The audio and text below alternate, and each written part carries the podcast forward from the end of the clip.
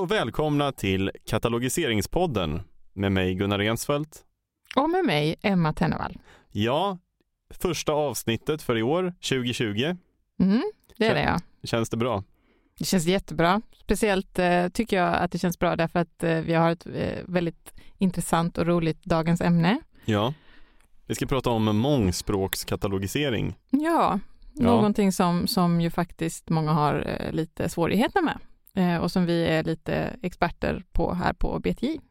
Ja, det, och det var väldigt intressant att läsa in sig på detta eh, inför avsnittet. Det finns ju mycket skrivet om det. Mm. Eh, stor, jag skulle säga, om jag gissar så är det ganska mycket mer skrivet om det än vad som faktiskt eh, görs rent eh, arbetsmässigt ute på biblioteken. Ja, ja, det är fullt möjligt och det är ju för att eh, det är någonting som jag nämnde precis, många har svårigheter med. Det är väldigt svårt att göra eh, utifrån på de enskilda biblioteken. Det här var ju något som uppmärksammades mycket i den nationella biblioteksstrategin också. Just det.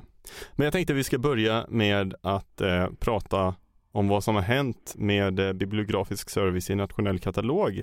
Har det hänt någonting sedan sen december var det vi hade senaste Ja, avsnittet? va? Det har det och eh, det som vi håller på med just nu eh, är ju att vi är i en ganska intensiv utvecklingsfas när det gäller vårt eh, flö- postflöde för förkortad katalogisering. Så att vi och KB håller på att testa det här flödet tillsammans och eh, nästa vecka är det också dags för ett gemensamt test tillsammans med Axiell då, eh, som också är med och stödjer oss. Så alla vi som, som är inblandade eh, prioriterar den här utvecklingen väldigt högt just nu. Och Mm. förkortad katalogisering är katalogisering på verksnivå. Ja, så brukar vi kalla det Ja. lite för, för, att, för att förtydliga eh, vad det egentligen handlar om eftersom då förkortad katalogisering lätt kan, kan missförstås. Jag har också hört, apropå Axiell, att eh, nu håller deras eh, nya bibliotekssystem på att börja testas i Sverige. Ja, vi har hört lite rykten om att det finns pilotbibliotek här på gång som, som eh, kommer att eh, offentliggöras eh, inom kort. Ja, och det Så- knyter ju an lite till det här med katalogisering på verksnivå. Ja, det gör det ju. De har ju i Curia möjlighet då att, eh, att presentera eh, katalogdata på, eh, enligt då FRBR-modellen. Så på, på det sättet så, så eh, finns det ju liksom möjligheter med Curia att kunna ersätta förkortad katalogisering här på sikt. Mm. Så det är spännande. Men det kommer säkert ta eh, lång tid innan det är ute hos alla bibliotek, men det ska ju bli jättekul att se hur det går med, med pilot eh, såklart. Ja, det kommer nog inte ske i en handvändning. N- Inte, inte tills eh, alla har det, nej. Nej, Nej, det kommer det inte. Eh, ja, men nu till dagens ämne, Mm. mångspråkskatalogisering. Och då tänkte jag att jag ska börja här med att lite stampa ut jordgolvet som vi ska stå på. Mm. Och eh, då har jag kollat runt lite och har läst in mig på att i Sverige pratas det väldigt många olika språk. Ja. Ja, 200 ungefär enligt eh, Institutet för sp- språk och folkminnen. Mhm. Mm. Eh, och det här innebär ju då att eh, biblioteken eh, ofta vill erbjuda li- medier på de här många språken. Kanske inte alla 200 men, men de vanligare i alla fall. De mångspråksmedierna då Mm. eh, brukar man ju särskilja från, de an- från medier på, på de eh, andra språken som inte Ja, tillhör Det, mångspråken. det är jättebra. Vi kan ju börja lite där med liksom vad är egentligen definitionen av, av mångspråk så att säga. Ja, Eh, för att eh, vi, här på BTJ har vi liksom av traditionella skä- skäl egentligen delat upp det i liksom det svenska. Sen finns det någonting som vi kallar för skolspråk. Det är ju ingen som använder det begreppet längre. Liksom. Men Fast det, det, ju görs i, de här utredningarna som jag har tittat jo, på. men precis. Att det, det, det Ja. är liksom, någonstans är det ändå bra som, som någon form av eh, markör för, för vad som inte då eh, betraktas som komplexa språk egentligen. Och det, är, jag menar, engelska, tyska, franska, det kan alla jobba med. Det kan alla faktiskt katalogisera också. Eh, Man har ofta, det är inte så, så problematiskt med kompetens och så som krävs. Nej, det är ett väldigt vanligt eh, ja. tredjespråk eh, Mm, precis. eller andra språk, Ja, eh, och så- tyska, och engelska och franska. Mm. Sen blir det ju då än mer komplext med, med de eh, språken som, som, eh, som inte faller inom skolspråkskategorin. Men sen har vi ju liksom en tredje kategori som, som ju vi kommer prata kanske mest om idag. Och det är ju den som eh, då, där det handlar om andra skriftarter. Just det, men Mm. det finns ju en kategori som vi inte har nämnt och det är de nationella Just minoritetsspråken det, också. just det. Som också Mm. eh, brukar särskiljas från mångspråk. Mm, mm. Så mångspråk Det här är då, är ju, ja, ja. och det är ju prioriterade grupper för biblioteken, så, så det här är ju någonting som man självklart behöver köpa in eh, medier på och också självklart då få eh, bra metadata för. Men för att säga det kortfattat så är ju mångspråkliga medier medier på språk som inte är engelska, franska, tyska, svenska, finska, jiddisch, meänkieli, romska och samiska. Mm. Så det är en övrigt kategori då. Mm, Alla språk som inte är de jag räknade upp, Mm. de hamnar i mångspråk. Mm. Eh, Och de vanligaste mångspråken som det går att hitta titlar på i de svenska folkbiblioteken det är då arabiska, persiska, somaliska, tigrinska och thai. Mm. Precis. Det Det- återspeglar ju då ofta väldigt mycket de, de grupper som liksom, eh, låntagare av, eh, på biblioteken, eh, de som har kommit till Sverige. Eh, vi har väldigt många arabisktalande. Eh, sen så har vi ju ryska, sa du det också?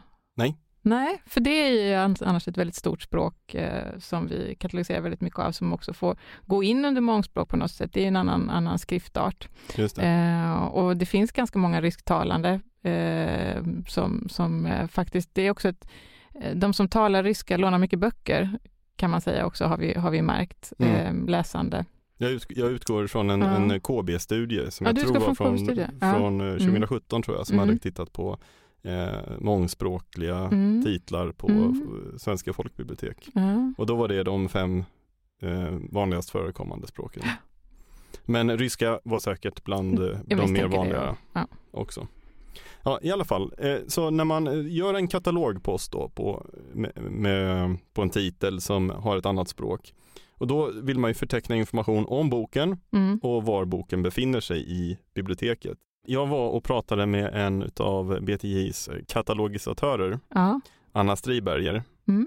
och hon eh, katalogiserar på japanska och kinesiska. Mm. Jag bad henne att förklara det här med eh, de tre viktigaste begreppen som vi kommer prata om mycket idag. Ja. Eh, Romanisering, Ja. translitterering Ja. och sen så finns det också transkribering. Ja. Ja, så jag tänkte vi kan lyssna på henne och, och, och så får hon förklara de här begreppen. det vore bra. Romanisering är ju, ska man säga, ett eh, samlingsbegrepp av de andra två. För romanisering handlar om att ta ett eh, språkskrivsystem och överföra det till latinskt alfabet.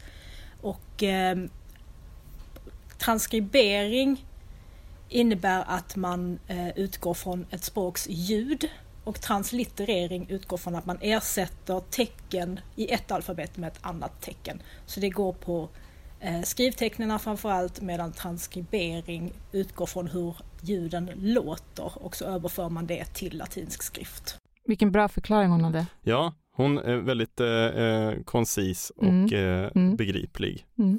Eh, jag gör ju ingenting utav detta, men jag kan tänka mig att translitterering Ja. då funkar bäst om, om det finns ett alfabet med latinska motsvarigheter och fall. Mm. Mm. Och medan transkribering blir då om det är till exempel kinesiska. Ja, Det är Ja. som man brukar, kinesiska, japanska, det och det, de typen, koreanska också tror jag kanske är sådana som man brukar säga att tra, transkriberas. Ja. Mm.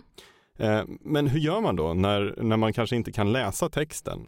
Precis. Då handlar det ju om att eh, för att överhuvudtaget då kunna lägga in informationen i, i bibliotekssystemet så att den ska bli eh, möjlig för en bibliotekarie att tolka så måste man ju då överföra skriftarten från den formen den har till latinsk skrift som ju är det, det vi använder. Just det. Eh, och för att göra det så använder man sig då av eh, eh, translittereringsscheman eller romaniseringsscheman.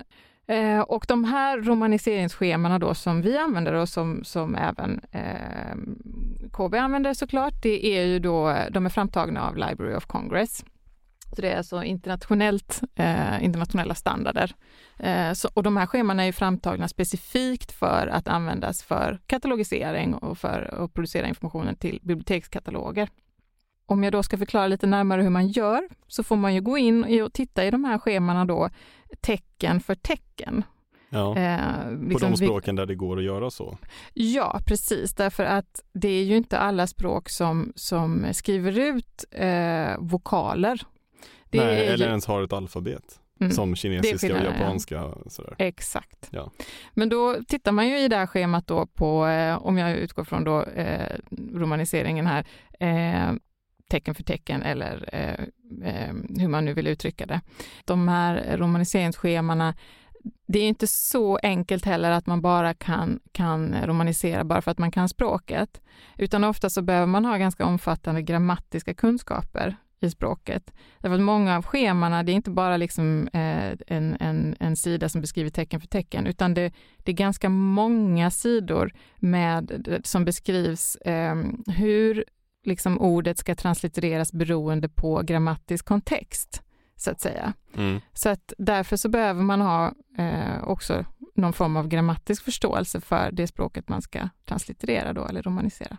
Jag kan förklara det genom egentligen kanske beskriva lite hur vi, hur vi arbetar eh, med romanisering och hur vår, vår eh, katalogavdelning är uppbyggd när det gäller språkkompetensen. Ja, gör det. Ehm, för det är ju lite så att det som krävs för att kunna, kunna translitterera är ju att man måste ha kompetens på väldigt många olika språk. Eh, och när vi, de, de som arbetar hos, hos oss här på katalogavdelningen så är det väldigt många av dem som har språkkunskaper. Det är någonting vi alltid letar efter när vi rekryterar och det är ju för att eh, det här är någonting som vi vill, eh, det här behovet av mångspråkskatalogisering är så stort hos folkbiblioteken och en så stor del av den tjänsten vi, bibliografisk service som vi erbjuder. Så vi har kompetens då på eh, och gör själva då eh, arabiska, eh, persiska, ryska, eh, eh, kinesiska, japanska, thai, de indiska språken till exempel. Och sen har vi då också, och det här som är viktigt, att vi har ett väldigt stort nätverk av eh, språkexperter eller språkkonsulter som vi anlitar då regelbundet för att kunna hantera alla språk. Vi säger ju inte nej till något språk utan vi, vi katalogiserar allting. Och är det så att det kommer ett nytt språk så vi, vi letar upp en ny konsult som kan hjälpa oss i så fall om vi inte har den kompetensen internt. Och eh, då får man väl också säga att då brukar vi leta på eh, eh, gärna leta folk som antingen har biblioteksbakgrund eller som är verksamma på universitet och högskolor till, på sitt respektive språk. Mm. Eh, för att man ska kunna då tillgodogöra sig eh, de här eh, romaniseringsschemana från Library of Congress på ett, på ett bra sätt. Och, och då skickar vi ju regelbundet då material eftersom vi är ganska stor verksamhet till, till de här konsulterna. Nu har vi en bok, eh, Mm. säger vi, i, i någon abstrakt bemärkelse som eh, är katalogiserad. Men eh, vilken funktion fyller då den här eh, katalogposten, eller den romaniserade texten i katalogposten? Jag Mm. frågade Anna Stiberg det, Ja, ja, okej. Ja. Mm, så jag tänkte vi kan lyssna på henne. ja. Det gör vi ju för att folk som inte kan de här andra språken eller kan läsa de tecknen ska kunna använda sig av katalogen. Så att man helt enkelt kan se vad ett namn på en författare är. För om det står med ett annat skrivsystem så kan man ju som icke-talare av det språket inte läsa det. Så därför måste vi romanisera språk som inte har latinsk skrift för att det ska gå att använda dem i katalogen från icke-talande användare. Ja, man ska kunna använda katalogen Mm. för, även om man inte kan språket. Mm. Men varför, varför skriver vi inte bara på liksom, originalspråket? Varför är inte den kinesiska titeln katalogiserad med kinesiska tecken? Ja, men det är ju precis vad Anna, Anna förklarar här egentligen. Att, eh, jag menar, om du som bibliotekarie ska kunna arbeta med de här böckerna och, och ställa upp dem enligt eh, författarens eh, namn i hyllan eh, eller vad det är, så har du ju eh, ganska omfattande problem med det om eh, all text är på arabiska. Eh, så att du måste ju kunna liksom läsa och, och, och förstå eh, det på, på, eh, som bibliotekarie också på, eh, på biblioteket. Jag vill bara tillägga det här med originalskrift att självklart är det ju mest optimala att man har både och. Därför att den, den liksom romaniserade texten då, den fyller ju sin funktion i bibliotekskatalogen eh, för bibliotekarien och som Anna säger då för de eh, låntagare som inte kan eh, språket, men för de låntagare som eh, av det aktuella språket eh, så är det naturligtvis eh, allra bäst att ha originalskrift. Och eh, för att exemplifiera hur klurigt eh, det kan vara Mm, så eh, tänkte jag ta upp en dikt. mm, Och det är, det är en eh, dikt på traditionell kinesiska, vilket jag absolut Det inte... här låter ju jättespännande. Ja, Mm. ja jag, jag kan säga att jag behärskar absolut inte traditionell kinesiska. Med ursäkt för mitt uttal så heter dikten Shi Shi Shu Shi Shi. Oh, Ja, det var ändå ganska bra uttalat tror jag. eh, men det betyder i alla fall ungefär eh, lejonätande poeten i stenlyan. Mm. Eh, vi kan lyssna några sekunder. Mm. 诗是实施史，实是诗是诗是是诗是实实诗，是实实是是是诗。 Vad är det här för någonting? Ja, det här är alltså en, en eh, dikt som skrevs av den eh, kinesiska lingvisten Chao Yuan Ren. Och, eh, han var väldigt kritisk mot romanisering Mhm. utav kinesiska. Ja. För han menade att det var så mycket som gick eh, förlorat i, eh, när man gick från skrivtecknen Mm. eh, till ett latinskt alfabet. Därför att Mhm. i eh, kinesiska så är det, de har väldigt många homonymer, liksom ord som låter likadant Just men det. betyder olika saker. Just det. Eh, och då skrev han en dikt som för i alla fall mina öron består av samma ljud om och om igen. Ja. Ja. Men med kinesiska eh, skrivtecken så är det olika ord Ja. nästan hela tiden. Det är ganska mycket upprepningar också. Mm, Men, precis. men han, eh, det är många, många, många olika ord Mm. som är homonymer. Mm. Det är som att vi skulle skriva en dikt eh, som eh, Ja, men det är som den här får, får, får. exakt, Ja. exakt som får, får, får fast den är typ Ja. tre minuter lång. Ja. Ja. Och det tyck- tyckte jag skulle exemplifiera då hur, hur Mm. lurigt det här kan vara. Mm. Om man, för om man romaniserar titeln på den här dikten Mm. så blir det ju bara rappakalja. Ja. Det blir shi, shi, shi, shi. Där behövs en viss kompetens. Så därför är det ju ur liksom eh, låntagarsynpunkt eh, väldigt viktigt att vi, att vi får mer originalskrift eh, på eh, mångspråkstitlar i katalogerna. För att en, en person som talar eh, arabiska men som inte har lärt sig svenska än men som vill, tala, vill låna arabiska böcker så är ju texten i bibliotekskatalogen bara rappakalja. Det kan man ju tänka sig själv om man skulle liksom försöka skriva svenska med arabiska tecken. Det är ju, det är ju helt eh, obegripligt. Det hade varit väldigt intressant att se eftersom, Mm. eftersom de inte skriver ut vokaler. Nej, precis. Men det, det, man kan göra så och det, det blir väldigt roligt. Det finns ju ett annat begrepp också som förekommer i det här, i det här sammanhanget Mm. som är vokalisering. Ja, Vad är det? det är ju det här att man sätter in eh, vokaler fast inte utskrivet, utskrivet det. då, va? I, i de arabiskskriftliga språken. Eh, så mitt namn då, Emma, det skulle ju bara bli två M. Ja. Liksom. Och då måste du veta att det ska vara ett E och ett A där, om det bara står två M. ja, annars kanske jag börjar tänka på godis. Ja! mm. Ja, eh, men eh, apropå det här med de olika språkens eh, särarter, att eh, de, de är lite olika på olika sätt, så frågade jag Anna Striberger, vilket språk är det egentligen som är klurigast att romanisera? Mm. Eh, vi kan höra vad hon säger. Eh, ja, det, det beror ju lite grann på faktiskt, men eh, om man tittar på språk eh, som har väldigt, som, som till att börja med som translittereras, så är det oftast lite enklare att göra det, men eh, vissa språk translittereras eh, på ett annat sätt än vad de skrivs, som till exempel arabiskan.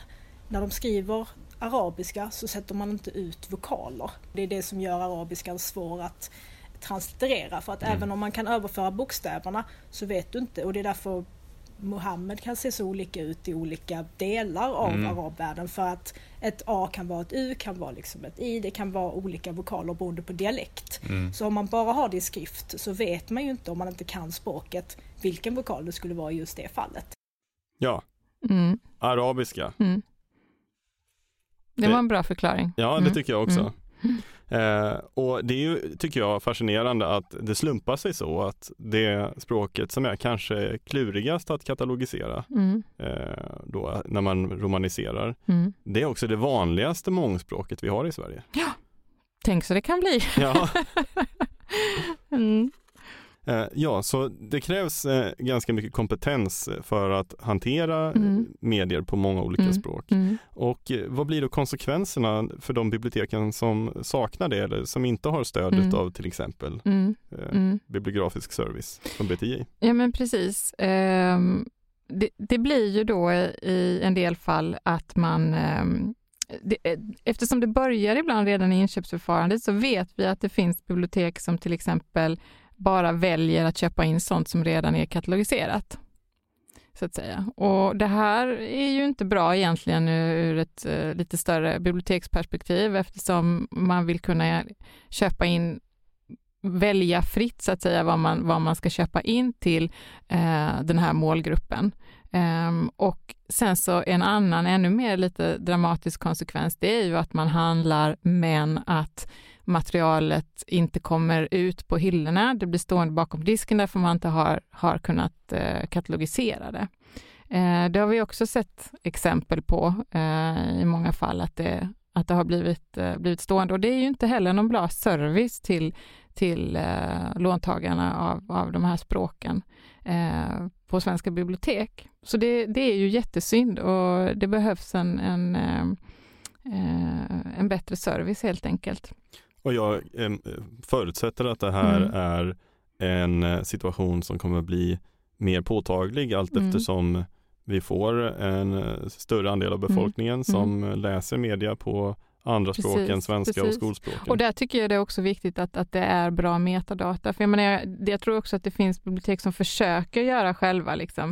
eh, men att det kanske blir väldigt rudimentärt. Antingen så kanske man eh, har kvar den, den eh, skriftöverföring som fanns hos medieleverantören som kanske inte är enligt Library of Congress scheman. Eh, eller så blir det väldigt, eh, väldigt liksom enkla poster som inte innehåller så mycket metadata. Och det här är ju inte heller bra, eh, som, som jag nämnde innan, ur, ur förmedlingsperspektiv. Eh, och, och inte heller för sökbarheten på de här, på de här titlarna. Eh, så det drabbar ju också låntagarna eh, i slutändan eh, när det är på det viset. Men förr i tiden så, så var det ju till och med så det, det kanske finns bibliotek i och för sig som fortfarande arbetar på det sättet, det vet jag inte. Men att man liksom bara skrev in i katalogen arabisk bok 1 och arabisk bok 2 och så vidare. och så vidare. Eh, och det är jättesorgligt därför att det blir ingen bra service. Nej, det Mm. låter som att det blir väldigt svårt att få en överblick också Mm, över mm. vad som finns i katalogen. Precis. Men nu är det ju så här att det här med, eh, med mångspråkkatalogisering är ju någonting som har diskuterats mycket i, i den nationella biblioteksstrategin som vi nämnde tidigare. Ehm, och här är det ju så att eh, IB antagligen kommer få någon form av utökat eh, uppdrag eh, på det här området och vad det blir det vet vi väl kanske inte riktigt än. Så det ska bli intressant att se. Och där tycker vi det är jätteroligt för, från, från, från vår synpunkt också eftersom vi vi utför ju väldigt mycket av, av det här arbetet åt IB redan idag. De har ju eh, kompetens på en del språk men har inte heller den organisation eh, uppbyggd som krävs för att hantera alla språk. Så vi gör eh, väldigt mycket utav eh, IBs katalogisering också här på BTJ och det är ju någonting som vi gärna vill, vill fortsätta med och, och kunna stödja folkbiblioteken i, i vad det kommer att bli för uppdrag framöver. Ja, och eh, vi kan väl runda av där. Jag tycker att Mm. eh, vi har nämnt de väsentliga delarna kring Mm. mångspråkskatalogisering. Ja, Men då tackar jag så mycket för det första avsnittet utav katalogiseringspodden 2020. ja tack så mycket. Det känns som framtiden. Ja, det gör det, verkligen. Tack och hej! Tack och hej.